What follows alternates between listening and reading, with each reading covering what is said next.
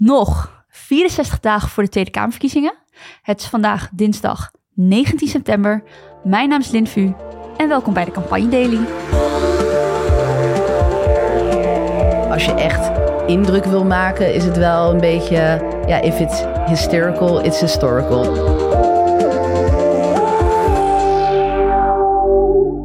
Vandaag zit ik hier met Maarten van Heems, uh, een van de partners van BKB. Welkom. Dankjewel, goedemiddag. Leuk dat je aanschrijft. En onze gast voor vandaag is Sanne-Louise de Bruin, uh, freelance woordvoerder en voorheen uh, woordvoerder bij de PvdA en de D66. Superleuk dat je aanschrijft. Ja, dankjewel. Sanne, kan je kort uh, vertellen wat je doet als woordvoerder? Als woordvoerder ben je het eerste aanspreekpunt voor journalisten als zij politici of bestuurders willen spreken. En aan de andere kant adviseer je politici en bestuurders over hun communicatiestrategie in principe. dus dat. Nou, volgens mij is het voor uh, woordvoerders in politieke Den Haag uh, nou, vooral morgen een uh, hele drukke dag. nou, volgens mij begint vandaag het programma in de Kon Koninklijke Schouwburg. Maar in vijf minuten ben je zo bij het Binnenhof. de strijd om het torentje krijgt steeds meer vorm. En Pieter Omzicht schoof gisteren aan bij Humberto.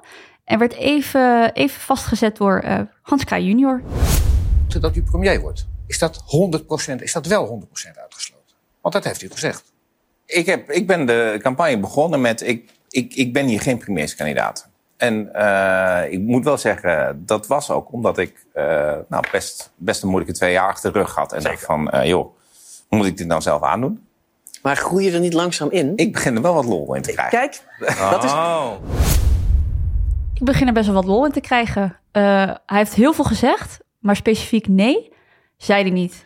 Nee, ik zeg uh, 100% uh, dat Hans Kraaij junior de overstap moet maken naar het politieke speelveld. want uh, hij, hij krijgt tenminste echt Pieter Omzicht toch wel een beetje aan het praten. In de podcast hoor je al volgens mij een beetje de vreugde in de stem van Omzicht als die over gaat. Maar als je de beelden ziet, ja, hoe hij kijkt, dat spreekt voor mij boekdelen. volgens mij is hij zeker wel bezig met de gedachte van ik moet die premierskandidaat van mijn eigen partij worden. Wat ook volkomen logisch zou zijn. Maar goed, tot nu toe wilde hij niet aan. Maar ik had het idee dat Hans Kraaij junior hier uh, tot nu toe de grootste uh, primeur van de campagneperiode te pakken had. Door die analyse? Nou ja, ik, ik vind van, van, van het fragment... Ik, vind voor iemand die dus altijd super ernstig is over, over en het, het politiek zo serieus neemt dat hij nogal lichtzinnig omgaat met het ambt van premier. Door inderdaad te zeggen, nou ja, ik zit er nu zo twee dagen, ik zie of twee weken te kijken naar die peilingen. Denk ja, het lijkt mij ook wel leuk. Vind ik eigenlijk, ja, had ik eigenlijk niet van hem verwacht dat hij daar uh, op deze manier mee om zou gaan. Had je verwacht dat hij de vraag eigenlijk langer zou ontwijken en pas begin uh, oktober hier definitief antwoord zou, op zou geven? Of, want ja, hij zegt niet echt nee, dus ik, nou ja, vind het heel lastig of dit inderdaad de primeur is. Ik denk dat dit toch een beetje het pijnlijke of de onduidelijkheid is die we hebben met, uh, met omzicht, is dat we gewoon niet helemaal weten in hoeverre hij nou bereid is om verantwoordelijkheid te nemen.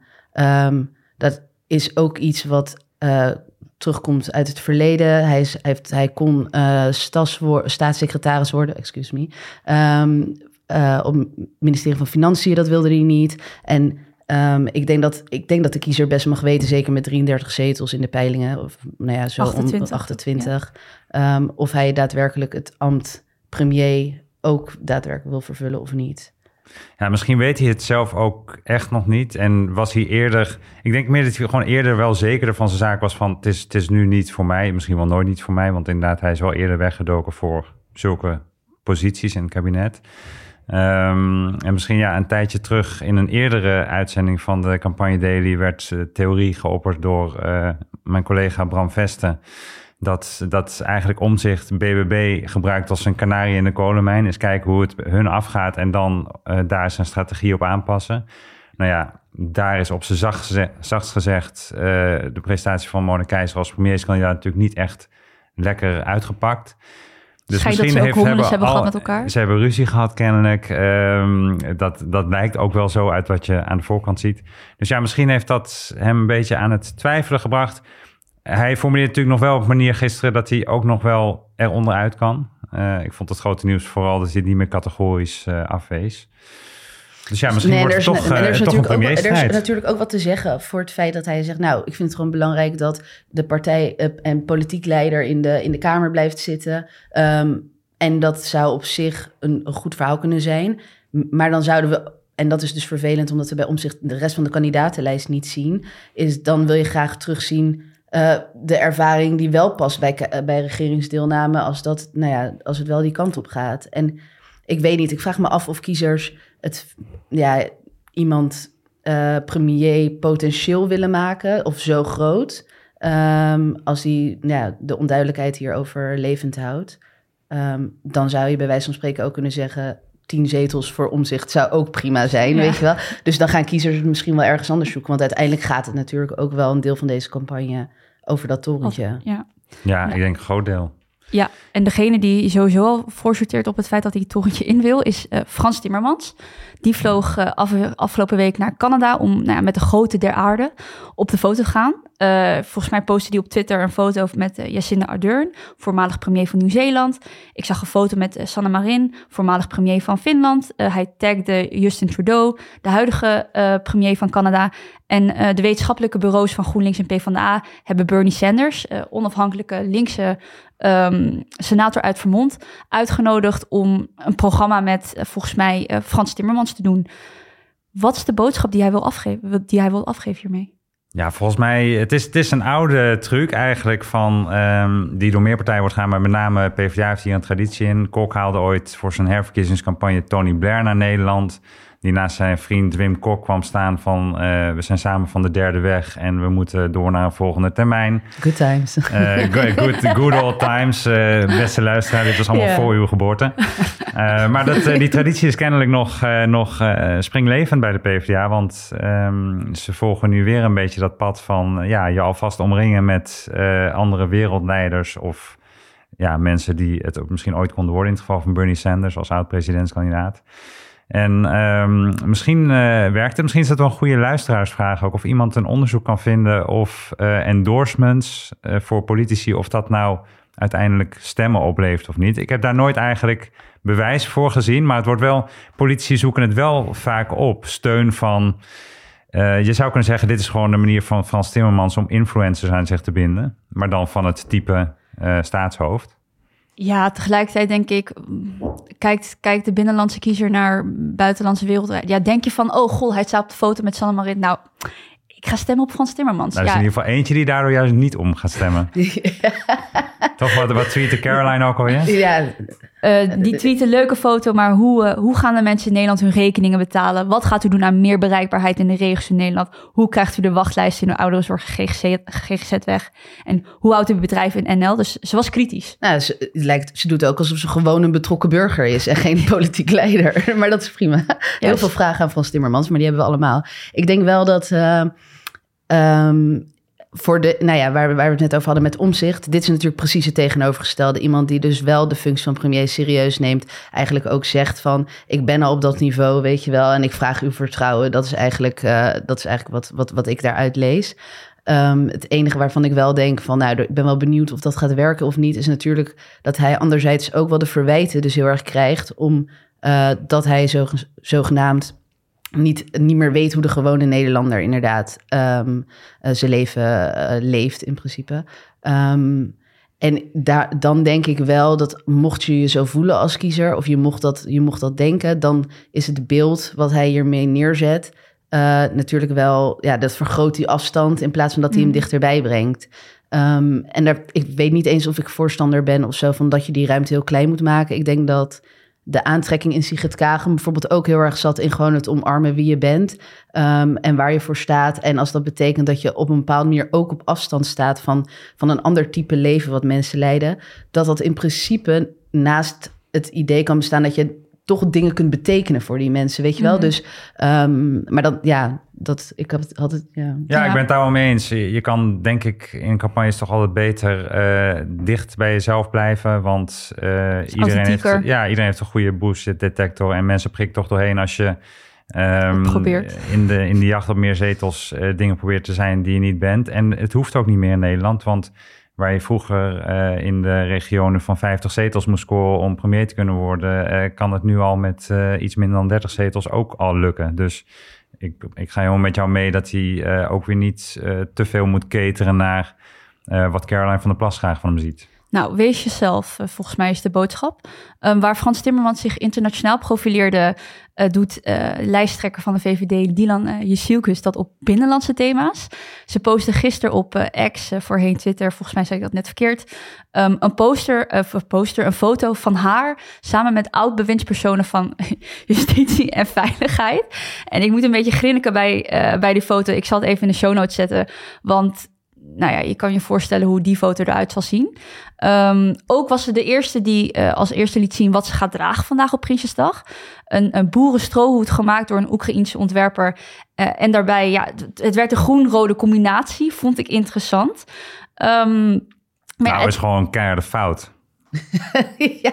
Had ze, in blauw, had ze in het blauw en oranje moeten komen? Nou, zeker niet in de clubkleuren van uh, toch je voornaamste tegenstander, uh, GroenLinks, PvdA en Timmermans. Dat, dat, ik bedoel, kleuren, de kleuren van politieke partijen, dat is gewoon dat is deel van je merk. En... Aan de andere kant zou je dus ook kunnen zeggen dat ze zich. Uh, ik bedoel, iedereen verwijt haar dat ze, dat ze echt aan de rechterkant zit van de VVD. Nou, dat is volgens mij ook waar. Maar ik kan me ook voorstellen dat juist jullie kleuren dus gebruikt om te etaleren dat bestaanszekerheid rode, groen, weet je wel. Dus dat om een iets zachter profiel neer te zetten in plaats van parelkettingen en, uh, en uh, donkerblauw, inderdaad, met, uh, met nog net niet de Nederlandse vlag op de achtergrond. Het gaat voor verenigd links-rechts op deze Prinsjesdag. Nou, ik kijk nu al uit naar, het is altijd de dag na de verkiezingen, dan komen de campagneleiders van de belangrijkste partijen. Mm -hmm. Komen bij elkaar om daarop terug te blikken. En doen ze vaak best wel een boekje open. Want zijn ze natuurlijk helemaal door slaapgebrek. kunnen ze niet meer hun masker ophouden. Dan moeten we misschien nog die vraag maar stellen. Of wat de strategie inderdaad. was achter de jurk van, van je zielbus. Nou, uh, wat in ieder geval voor vandaag heel erg op het programma staat, is natuurlijk dat het kabinet de miljoenennota uh, presenteert. De belangrijkste financiële plannen voor het aankomende jaar en de begrotingsplannen. Dus hoeveel krijgt elk ministerie en welke uitgaven gaan we als uh, land doen? De koning spreekt, as we speak, volgens mij zijn troonrede. Nou, voor jullie straks niet meer luisteren, maar voor ons nu wel. Spreekt zijn troonrede uit aan de Staten-Generaal, a.k.a. de Eerste Kamer en de Tweede Kamer. En aangezien het kabinet nu demissionair is, gaat er net wat anders aan toe, denkt Marleen de Rooij.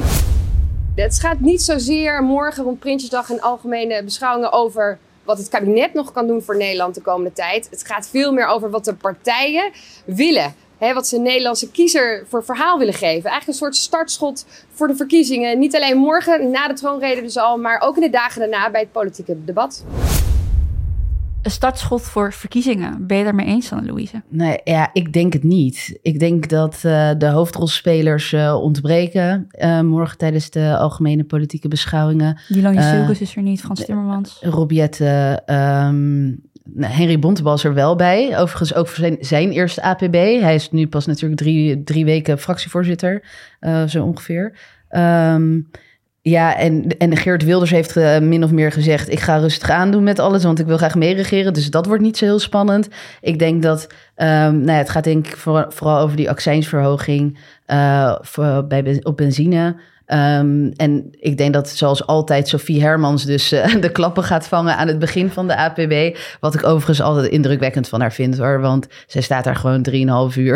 Ja. van alle kanten krijgt ze uh, ballen op zich geworpen. Ja. Um, en ze komt alleen op tv als ze vervolgens uh, een keer breekt. Dan wordt dat nog ja. even uitgericht in het journaal. Voilà. Maar, maar ja goed, dat is ook wel interessant. Weet je wel, daar, bij, bij wie worden interrupties gedaan tijdens een APB gaat ook heel erg over waar denken we dat het machtsgewicht zit. Dus wat is belangrijk? En ik denk dat we wel echt daar een APB hebben gekeken, best wel lange tijd, waarin uh, linkse politieke partijen eigenlijk gewoon genegeerd werden. Dus dat de partijleiders van die partijen gewoon hun minuten vol mochten praten en konden rekenen op geen enkele interruptie. Uh, misschien bij wijze van spreken van GroenLinks bij de PvdA en PvdA bij GroenLinks gewoon om dan nog even dat meer uitlegmomentje te hebben. Um, dus ik ben wel benieuwd inderdaad als, als het waar is wat de NOS uh, voorspelt en dit een campagne um, moment wordt dan uh, verwacht ik heel veel interrupties bij Jesse Klaver, want die ja. staan er toch goed voor. GroenLinks en PvdA heeft volgens mij samen met uh, de ChristenUnie een tegenbegroting gepresenteerd. Uh, de partijen rechts in het politieke spectrum plus SP, die kondigden aan dat ze graag de accijnsverhoging op brandstof en dus benzine willen verlagen. Hoe kijk jij daarnaar, Maarten? Nou, ik moest meteen denken aan twee dingen eigenlijk. Eén, uh, eerste campagne van Berlusconi in Italië. Wat was zijn leus? Minder belasting voor iedereen. Dat, dit is echt zo'n maatregel. Uh, we gaan voor iedereen hebben we een cadeautje. En het tweede is, ik heb een paar jaar in uh, Mali gewoond. En in Nederland hebben we altijd mond vol over andere landen met corruptie en deugd daar niet. En helemaal over Afrikaanse landen. Nou, hoe daar uh, verkiezingen toch wel vaak um, gevoerd, campagnes gevoerd en ook gewonnen werden, was je rijdt met je hele verkiezingskaravaan een dorp in. via het hoofd van het dorp krijgt iedereen een briefje van 500 CFA, ongeveer een euro. En uh, die stemmen zijn alweer binnen. Ja, dit roept voor mij uh, roept dit uh, associaties op met, ja. met kiezers kopen gewoon. Ja, ik bedoel, ja. ik denk niet dat Nederland massaal nu voor die partijen kiest, omdat ze bij de POM denken, ah, die 20 cent hebben toch dankzij deze partijen binnen. Maar dat is natuurlijk ja, een reden dat ze het gisteren hebben gepubliceerd of uit hebben gebracht. Maar ja, aan de andere kant is het natuurlijk ergens wel ook wel tekenend waar deze campagne over gaat. Um, want het, we noemen het accijnsverhoging, uh, maar het, uiteindelijk is het ook een fossiele subsidie. Namelijk dat je, ja. uh, terwijl we elke dag ook zien dat er mensen op de snelweg zitten van Extinction Rebellion. Omdat we wat we juist moeten doen is weg van het subsidiëren van subsidiële, uh, zo, fossiele. fossiele. zo. maar ja, goed, we snappen het.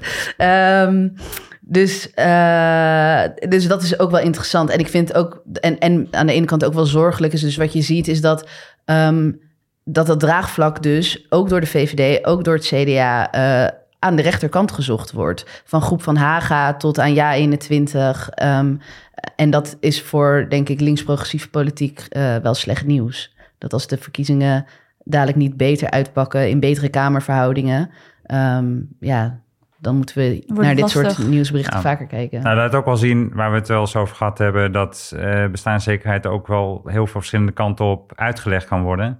En dat het, nou, bijvoorbeeld met zoiets als dit, laat de rechtspartij ook wel zien dat ze er goed in slagen om uh, bestaanszekerheid ook uit, kunnen uitleggen als wij zorgen dat er bij u niks afgaat. We zorgen dat het niet minder wordt ja. voor u.